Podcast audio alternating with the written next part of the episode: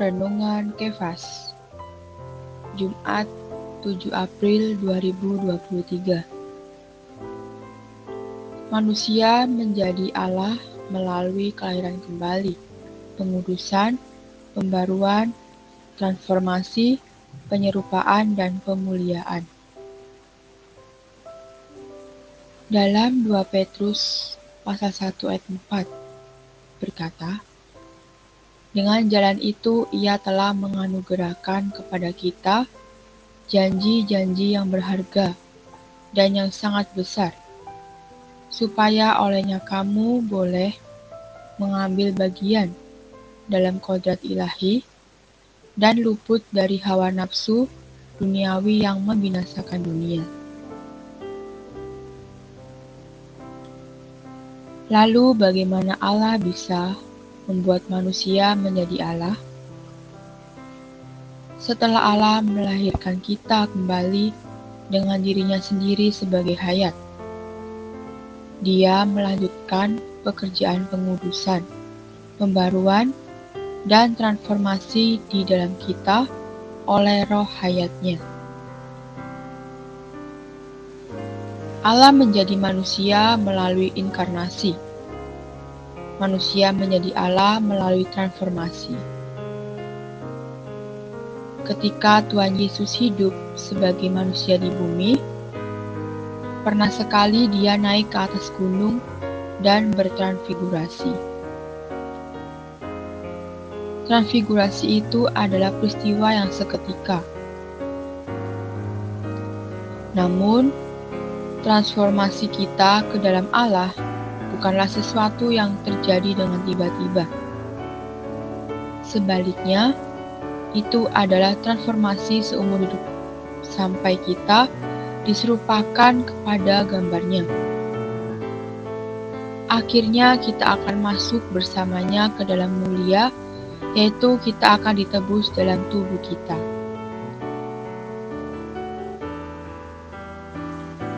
Frase mengambil bagian dalam berarti tidak hanya berarti berbagian tetapi juga berbagian untuk menikmati. Ini menunjukkan bahwa kita memiliki sesuatu dan kita menikmati apa yang kita miliki. Kita, manusia-manusia Allah, memiliki hak ilahi untuk berbagian, bukan dalam surga tetapi dalam keilahian Allah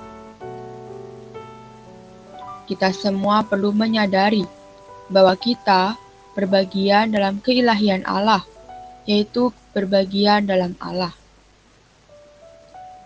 Kita umat manusia diciptakan Allah untuk tujuan ini.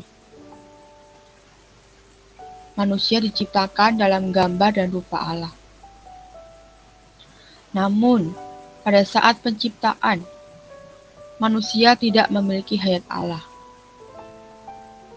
Tetapi sekarang, sebagai manusia-manusia Allah, orang-orang yang telah dilahirkan dari Allah menjadi anak-anak Allah, memiliki hak untuk berbagian dalam apa adanya Allah dan bahkan menjadi Allah dalam hayat, dalam sifat, dan dalam ekspresi, tetapi bukan dalam kealahan.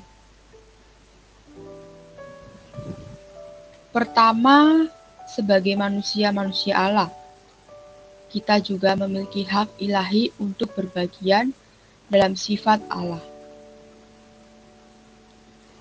Efesus pasal 1 ayat 4 mengatakan, Sebab di dalam dia Allah telah memilih kita sebelum dunia dijadikan, supaya kita kudus.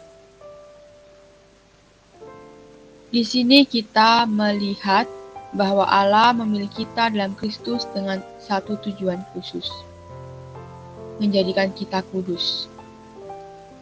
Kudus berarti tidak saja dikuduskan, dipisahkan kepada Allah, tetapi juga berbeda, unik dari sesuatu yang umum. Allah itu kudus, tetapi kita umum. Hanya Allah yang berbeda, unik dari segala sesuatu. Jadi, dia itu kudus. Kekudusan adalah sifatnya. Allah ingin membuat kita menjadi kudus sama seperti dia adalah kudus. Menjadi kudus adalah berbagian dalam sifat kudus Allah. Setelah memilih kita untuk menjadi kudus, Allah membuat kita menjadi kudus dengan menyalurkan dirinya. Satu-satunya sang kudus ke dalam diri kita, agar seluruh diri kita bisa dijenuhi dan diresapi dengan sifat kudusnya. Bagi kita, umat pilihan Allah, menjadi kudus berarti berbagian dengan sifat ilahi Allah. Jadi, kita bisa berbagian tidak hanya dalam hayat Allah, tetapi juga dalam sifat Allah. Mari berdoa. Terima kasih Tuhan atas belas kasih-Mu.